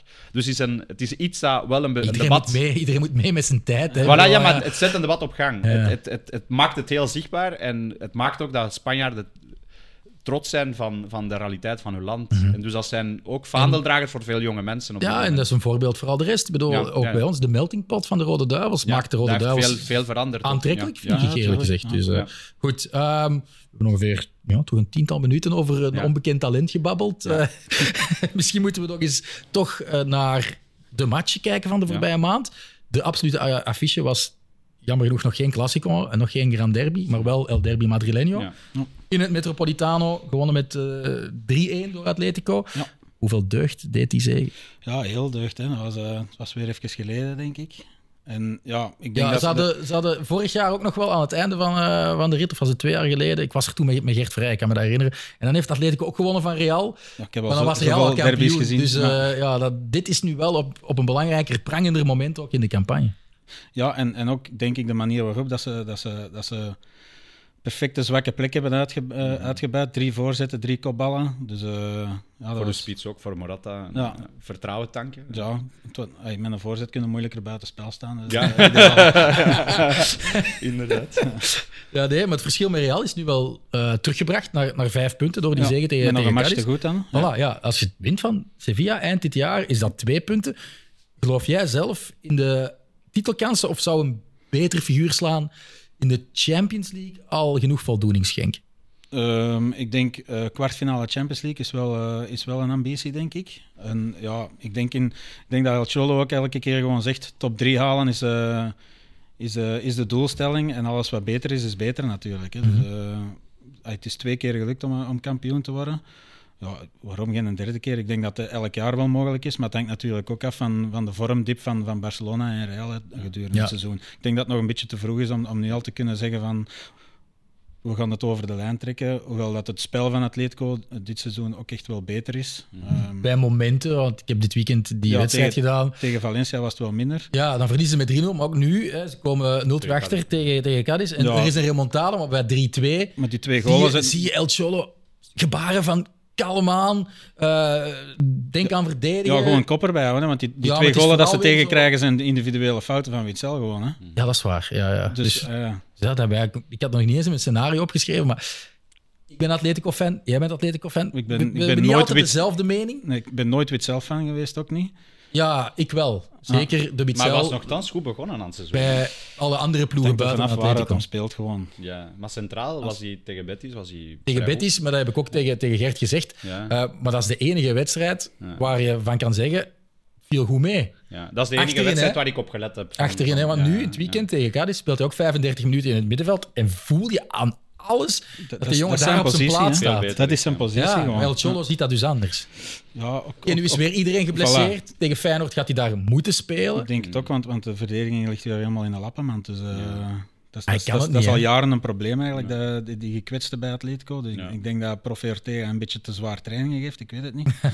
maar ehm, ja, dat maat toch slecht voor de spieren is als Jiménez Ja, altijd. misschien. Nee, nee, maar ehm, je hebt daar eigenlijk wel gelijk over, over Witzel. Eh, maar ik wou eigenlijk nog één ding, want wij, wij zijn alle twee fan van dezelfde ploeg. Maar er is één speler waar ik gek van ben, die nu het mooie weer maakt eh, op Montjuïc, Ja. waar jij echt een totaal andere mening over hebt. Ja. Felix.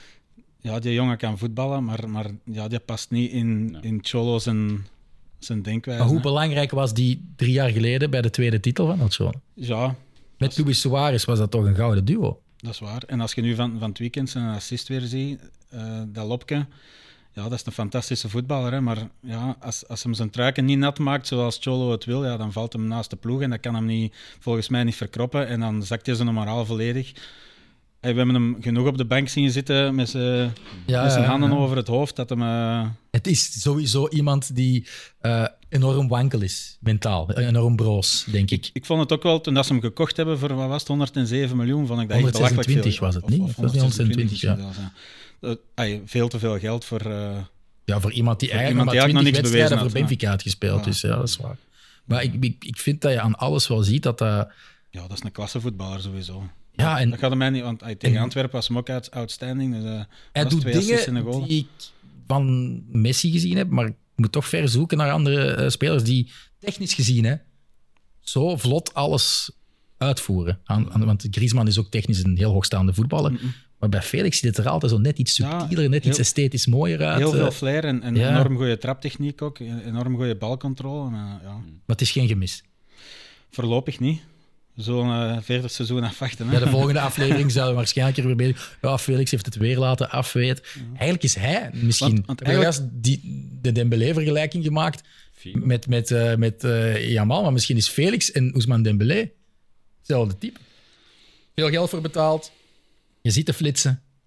Maar op Chelsea, Ah, op Chelsea bijvoorbeeld heeft hem ook niet, echt eh, mooi weer gemaakt. Hè? Nee, Maar- nee, maar ja, dat is Maar moeilijk. ik heb zo het gevoel, bij, bij Dembélé zijn het vooral zijn benen die het laten afweten. Allee, zijn, zijn fysieke... En, en bij Felix lijkt het hem, hem mentaal... Ja, Ja, dat denk ik ook. Nu En- heeft hem Maar ik denk dat het Ousmane Dembélé andere mentale issues Ja, ja, maar kijk, allee, bij, bij Felix, hij lijkt fysiek wel op, in, allee, op orde. Hij Ja. kan wel mee. Hij kan ook wel mee in... We hebben het ook gezien bij, bij zo'n harde fysieke stijl van, van El Cholo. Niet altijd, ook en misschien niet op hetzelfde niveau dan de rest. En bij Barcelona... Ik vind het ook wel een interessante evolutie hoe dat Barcel- Barcelona speelt dit jaar. Hè. Ze zijn gegaan, vorig jaar was alles 1-0. Hè, en en werd, werd genoemd La Liga del Unocerismo. Hè, dus het kampioenschap van gewoon 1-0 gewonnen te hebben heel de tijd. En dit jaar, als je naar hun resultaten kijkt, is eh 5-0 al twee keer, allee, twee keer 5-0 geweest, maar ook 3-2, 4-3. iedereen- Maar dat is eigenlijk een tendens die je bij alle ploegen ziet. Hè? Want eh, er is geen één La Liga-wedstrijd nu die, waar je van Nee, voorhand kan zeggen dit gaat een 0-0 veel goals, ja. worden, Nee. tenzij dat Getafe er, ermee Ja. is. Maar echt waar, het is constant 3-2, 3-3, eh 1-3. Ja, ja. Maar dat was, niet, dat was niet het stijl van Xavi de laatste jaren. Dat was zeer defensief. We hebben het vorig jaar gezegd ook. eh, de meest defensieve versie van tiki-taka. Eh, het was bijna cholismo ook op bepaalde momenten van hoe dat ze speelden, gewoon op resultaat. En dit jaar spelen ze frank en vrij. En, en ik denk dat het zeer open gaat liggen. En inderdaad, voor, voor Atletico is hopen dat ze verdedigend iets zwakker worden. En dan, dan ligt alles voor trapen. Hè? Want ze spelen heel veel op de aanval op dit moment. Ja. En ze zijn te pakken ook op de, op de counter. Dus, eh, Ehm, Sevilla is daar niet in geslaagd om Barça te pakken op, eh, op de counter. Vorige vrijdag was er eh, dat treffen. Eh, match gewonnen, met het kleinste verschil door de Blaugrana. Sergio Ramos maakte de Ja. enige goal, een own goal, tot groot jolijt van iedereen in Barcelona. En ik denk dat Gert ook goed gelachen heeft. Ja. ik babbel niet graag over Sergio Ramos, maar... eh, ja, het is, het is uw vriend niet, het zal nooit uw vriend worden. Nee, en, en, en ja, iedereen weet wel, denk ik, waarom. Door de, de, WK, de Champions League finale in, eh, in Lissabon, dat hem daar eh, onze droom aan diggelen kopte. ja. Ehm, ja, Ja, hij straalde Kan ook wel uit natuurlijk. Hè. Wel, Je hate hem or you love him. Hè. Ja. Wel, Er is niemand, denk ik... Ik vind dat wel een grave speler eigenlijk. toch niet is de beste vrienden waren. sympathie voor Real Madrid? Of is dat omdat het een Sevillaan is? Ja, het is eigenlijk een Betico ook. Van... Toch? toch? Ja, Ah, ja, ik ja. maar hij heeft net al het Saoedische geld afgestaan Ja. om dan naar de club van zijn Nee, maar, te keren. ja, nee, maar ik bedoel van, van, van gezinsaf. Hè. En natuurlijk, ik denk als je voetballer bent en je, en je speelt zo lang voor Sevilla, dan gaat je hart een beetje vervellen. Hè, Ik denk dat bij Toby Alderweireld misschien hetzelfde gebeurd is met een Antwerp. Ehm, dus ja, zijn, zijn liefde voor zijn club is oprecht, denk ik. Eh, maar ik vind dat ook bij, bij de... Vooral bij de Spaanse nationale ploeg vond ik hem echt een geweldige speler. Misschien de beste verdediger ooit. Maar ja, het is iemand Op hetzelfde die voet altijd als in je eigen ploeg wil, En, maar ja. niet bij de tegenpartij. Nee, en het is, Exact, nee ja. inderdaad. En het is zo, nu bij, bij Union heb je Burgess en dat is een gelijkaardig gevoel, denk ik. Hè, bij, bij, veel, bij veel fans die van de eigen ploeg zeggen geweldig om die je ploeg te hebben. En de rest echt oh, een irritante klootzak. En dat is bij Sergio Ramos ook. Maar hij doet alles wat je moet doen. En, wel een straffe vergelijking. Zo, eh, Nee, nee, natuurlijk. Chris Burgess, Qua niveau, Sergio Ramos. qua niveau totaal niet waarschijnlijk. Het zijn heel andere spelers qua speelstijl, maar het, het, zijn, het is het type centrale verdediger die, die iets uitlokt bij de, bij de tegenstander. En natuurlijk een ongoal, dat is zeer contrair aan wie dat hij is van persoon. Want hij is altijd, qua mentaliteit, als je hem ziet op het, op het veld, direct die, die Coachen, Sevilla verdedigen. Ja, coachen, hè? coachen, Constant. zeggen waar dat ze moeten staan. Dat is eh, ervaring natuurlijk. ja, en bij Real. Madrid was dat ook heel lang. Hè. Eender wie dat naast hem speelde, werd echt op zijn plaats gezet. Oké, eh, zo, zo gaan we hier verdedigen, zo gaan we hier het op resultaat spelen. Eh, heeft ook een groot aandeel, denk ik. Misschien het grootste aandeel van alle spelers van Real Madrid in de titels de laatste jaren. Misschien allee, op hetzelfde niveau van Courtois en Benzema. Maar nu heeft hij misschien, ook, want dat kan, hè, een aandeel in de titel van Barcelona. Want het zou best zo kunnen uitdraaien dat die own goal aan het eind van de Inderdaad, rit Madrid voor de titel afneemt. Hè? de bedoel, titel dat kan, hè? Ja, Zou ik wel geweldig... allee, Gewoon puur voor het verhaal zou ik dat wel geweldig vinden. ja, ja. Dus ja, eh, Ramos is dus eh, terug. Sevilla kende wel geen al te beste start. Dat was eigenlijk vooral voor Ramos ingezet werd. ja. Eh, dan hebben ze 7 op 9 gepakt. Ehm, ze hebben gisteren gelijk gespeeld in, in Europa, maar ze zijn een beetje wisselvallig. Dat geldt ook voor jouw ploeg, hè, voor de. Hè, gewoon, ehm, het entertainmentgehalte bij Betis, ik vind het een pakje minder dan de voorbije jaren. Eh, Ja. Het is denk ik ook geen wonder. Hè. De Maar moeten ploeg- we Pellegrini buiten al Mm. beginnen schreeuwen? Of? Nee, dat denk ik niet. De, de ploeg werd gedragen door Canales en Fekir. En de ene is weg en de andere geblesseerd. En dan moet je alles opnieuw opbouwen. En dan, ja, dan zeg je, ja, wie zijn uw sterkste, spe allee, uw sterkste spelers sinds het begin van de competitie? Ja, dan moet je kijken naar uw twee verdedigende middenvelders, Roca en Rodriguez. Ja, dan weet je dat er ook weinig entertainment gehalte gaat zijn aan uw ploeg. Ehm, ze, hebben ook, ze hadden een hele goede linksbak, Alex Moreno, die nu ook het in de Premier League laat zien. Hij, is, hij is helaas geblesseerd. Die zijn, zijn- sinds dat die die kwijt zijn in de, in de winter, ook diezelfde dreiging niet meer gekomen. Die is wel terug aan het komen. Er zijn een aantal positieve evoluties. Allee, Bellerin, die, die heel goed speelde de laatste wedstrijden en die de flank helemaal eigen maakt. Ehm, vooraan is Pellegrini gewoon aan het zoeken. En je ziet ook, het was een hele, Iedereen was hele heel moeilijke... daar gaat over Isco hè, in de Ja, eerste wedstrijden, ja. maar nu is dat toch weer al wat Ja, afgekalmerd. omdat eh, het is natuurlijk... Als je één speler hebt die al het spel begint te dragen en ja, de eerste twee matchen kun je de tegenstander mee verrassen, maar de derde match zeggen, ja, we dekken die dubbel en we, we sluiten de paslijnen af. En, en Pellegrini ja, heeft heel de zomer heeft Betis zoals een zot verkocht en, en gekocht. Eh, veel, veel basisspelers zijn vertrokken, zowel Ja, in de verdediging als in de aanval. die, eh, nieuwe technische directeur die van Getafe komt, die, die heel de ploeg eh, doorheen heeft geschud. Ook last minute nog, na de sluiting van de Mercato, hebben we de beste verdediger van Betis, Luis Felipe, is verkocht aan, aan Saudi-Arabië om een financieel gat bij de club te dichten, maar die is ook niet vervangen. Maar Pellegrini is nog aan het zoeken. Die weet niet op dit moment wat zijn beste aanvalslinie is. Hè, die, elke match is iets anders. Hè, die heeft daar, zoals ik zei, die heeft tien spelers voor, eh, Ja. voor, voor drie posities. En ook Borja Iglesias en William Ja. José wisselen elkaar constant af. Ja, maar die weet ook zelfs niet van moet ik mijn echte spits of moet ik Ayoze op de spits zetten. Eh, die zet een keer Rodri, een keer Luis Felipe, Luis Enrique, een keer ehm, Abde, die net eh, gekomen is, die ook al zijn, zijn klasseflitsen laat zien. De ploeg is ook heel traag, hè, veel oude spelers. Eh, dus ze zijn echt nog aan het zoeken naar de formule van... En de laatste, het laatste resultaat was heel opgevend. Als je 3-0 kunt geven aan een, aan een Valencia die terug aan boven komen was, die goed spel had, die andere ploegen het moeilijk maakte. Daar is veel hoop eh, nu bij, bij Betis dat het een goede linie zichzelf eh, doorzet. Fekir, die binnenkort gaat terugkomen. En als je naar de statistieken van Betis ziet, met en zonder ja, dat is echt straf, een ja. onwaarschijnlijk Ik eh, zie. Fekir ook wel echt eh, Dat is spelen. een, een franchise player. Ja. Dat is echt Eigenlijk te goed voor, voor te goed voor Betis. ja. ja. Ja, maar hij voelt zich veel te goed in de stad. Eh, hij vindt het, denk ik, ook fenomenaal om de sterspeler te zijn bij, bij een club. Die- Is de, de territoriale ligging ook niet belangrijk? Want Algerije heeft Algerijnse roots. Ja. Dat is wel heel dichtbij. Ja, ja, ja. En hij geniet ook van... Kun je ook van Algeciras een veerboot pakken Ja, naar, het is dat. eh, En dan kan die, Ja, ja, ik denk ik, het wel. ik weet niet of hij daar familie heeft, want hij is natuurlijk in Frankrijk eh, ge- geboren en getogen. Maar hij vindt het, hij vindt het geweldig om in, in Sevilla te zijn. Hij Terecht. is ook heel grappig. Hij is ook, eh, Betis is een ploeg die met al de die heel inge, hoe moet ik het zeggen? Ja, in alle tradities van Sevilla, hè, zo de Semana Santa, Ja, en, eh, alle cofradia's en zo, al, al dat katholiek Ja. gebeuren en, en hè, dus alle folklore van Sevilla, die doen heel goed mee en die zijn in, ah, echt verknocht met de stad. Iets, zelfs iets meer dan Sevilla, die iets meer buiten de, buiten de stad zit. Ehm, en Fekir doet dan alles mee. Als En dat- moslim is dat wel straf. ja, en dat voor veel Sevillanen is dat een teken van respect. Hè? En van, hij moet natuurlijk niet daarin geloven of dat belangrijk vinden, maar het feit dat hij altijd mee is, Ja. vinden de mensen onwaarschijnlijk chic. En die heeft de stad in, in, eh, in zijn zak. Iedereen Zou hij was echt de geschiedenis wel kennen van eh, waarom dat ongetwijfeld. gedeelte van, van Ja, Spanje on- zo de ongetwijfeld heeft Santa zo hard viert en de, de Reos Catholicos en het feit dat de, de moslimbevolking daar Ja. Is. Nee, want, want veel van de cultuur van, van, van Andalusië is ook beïnvloed door die aanwezigheid van, Van de jarenlang Moren, aanwe- van de Moren. ja, hè. ja. De muziek bijvoorbeeld, als je flamenco hoort en je hoort muziek van het noorden van Afrika of zelfs van Iran, dat lijkt heel Mhm. hard op elkaar, hè. de ritmes en zo. Dus ik denk dat hij daar... eh allee, hij zou het daarin kunnen herkennen als hij daarmee bezig is, Ja, dat weet ik, daar weet ik niet van. Maar het is... ehm, ja, We zijn weer al een soort eh. Vlaanderen vakantieland aan het maken. Ja, ja, Kom allemaal naar naar Sevilla. Sevilla, dat is een Maar- geweldige bestemming. Ik denk dat het komende maand eh, wel uitkijken is naar de terugkeer van Fekir. Ja. Wat dat voor verschil... Het is een van de smaakmakers van La Het Liga, was denk ook ik. samen met Joaquin misschien wel de, de naam die het eerste eh, ja, Ja. niet op het blad zou zetten, maar gewoon Sowieso, associeert jawel. met de ploeg. Ja. Nee, jawel, maar ook, Ja. ook met, met voorsprong de beste speler Ja, ja, maar. Joaquin dan weer niet. Hè.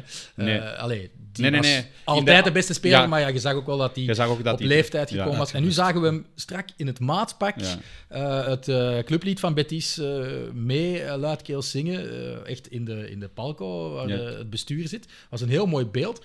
Eh, hij is aandeelhouder, dat weet ik. Maar hoe, hoe betrokken is hij nog bij de dagelijkse werking van, van ja, de ploeg waar hij al die Ja. ploeggenoten nog goed van Hij, kent? zit, hij zit mee in de technische staf en hij is de liaison tussen het bestuur en de spelersgroep. Ja. En dus hij Een moet, doorgeefluik. Ja, hij moet, hij moet van de, als er iets is met de spelers, dat laten, laten overbrengen naar het bestuur. Als hij met En een de- serieus probleem zit, Ja, dan is dat dan- dan de gaan ze naar de man. Ja. Ja.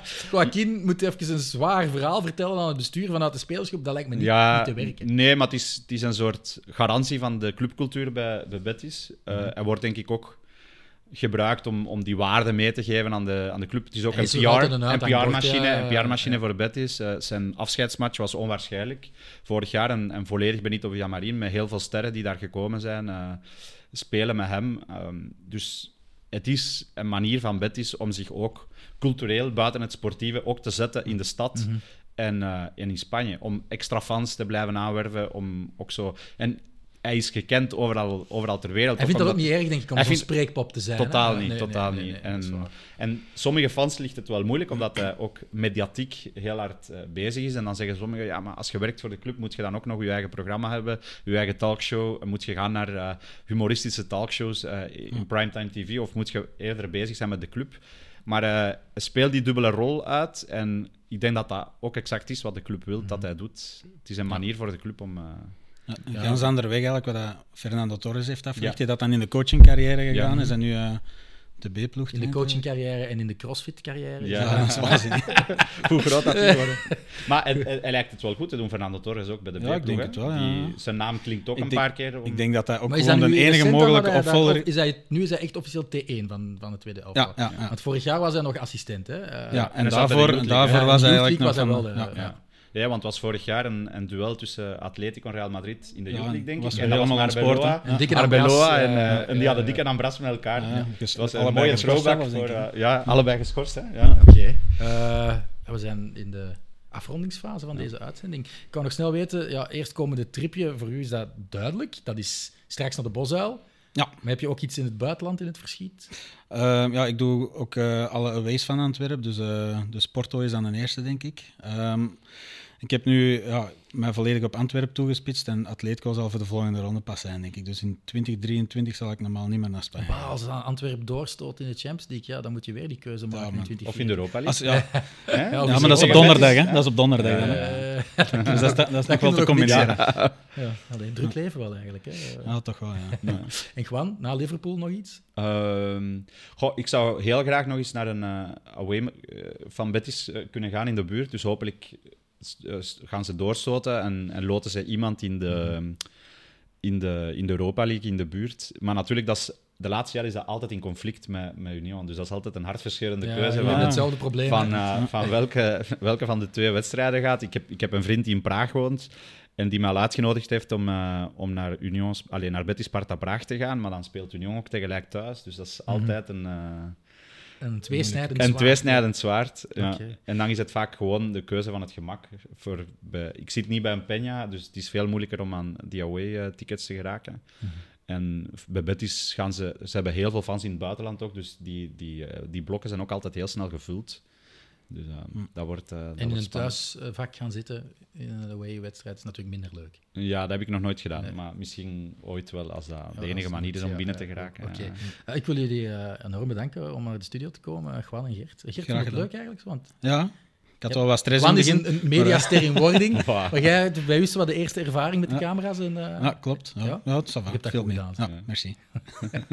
Goed, oké mannen, merci. Eh, en eh, jullie, eh, ik wil me misschien nog wel even excuseren, want we hebben ons eh, nog niet echt uitgedrukt over het geweldige Real Sociedad, of heel weinig. Ook Girona verdient misschien Kubo, hè? Ja. net iets meer aandacht, maar dat zal dan eh, in een volgende aflevering eh, gebeuren. Volgende maand, dus in de maand eh, november, zijn we terug met de derde croquetta van dit seizoen. Bedankt voor het kijken en tot de volgende keer.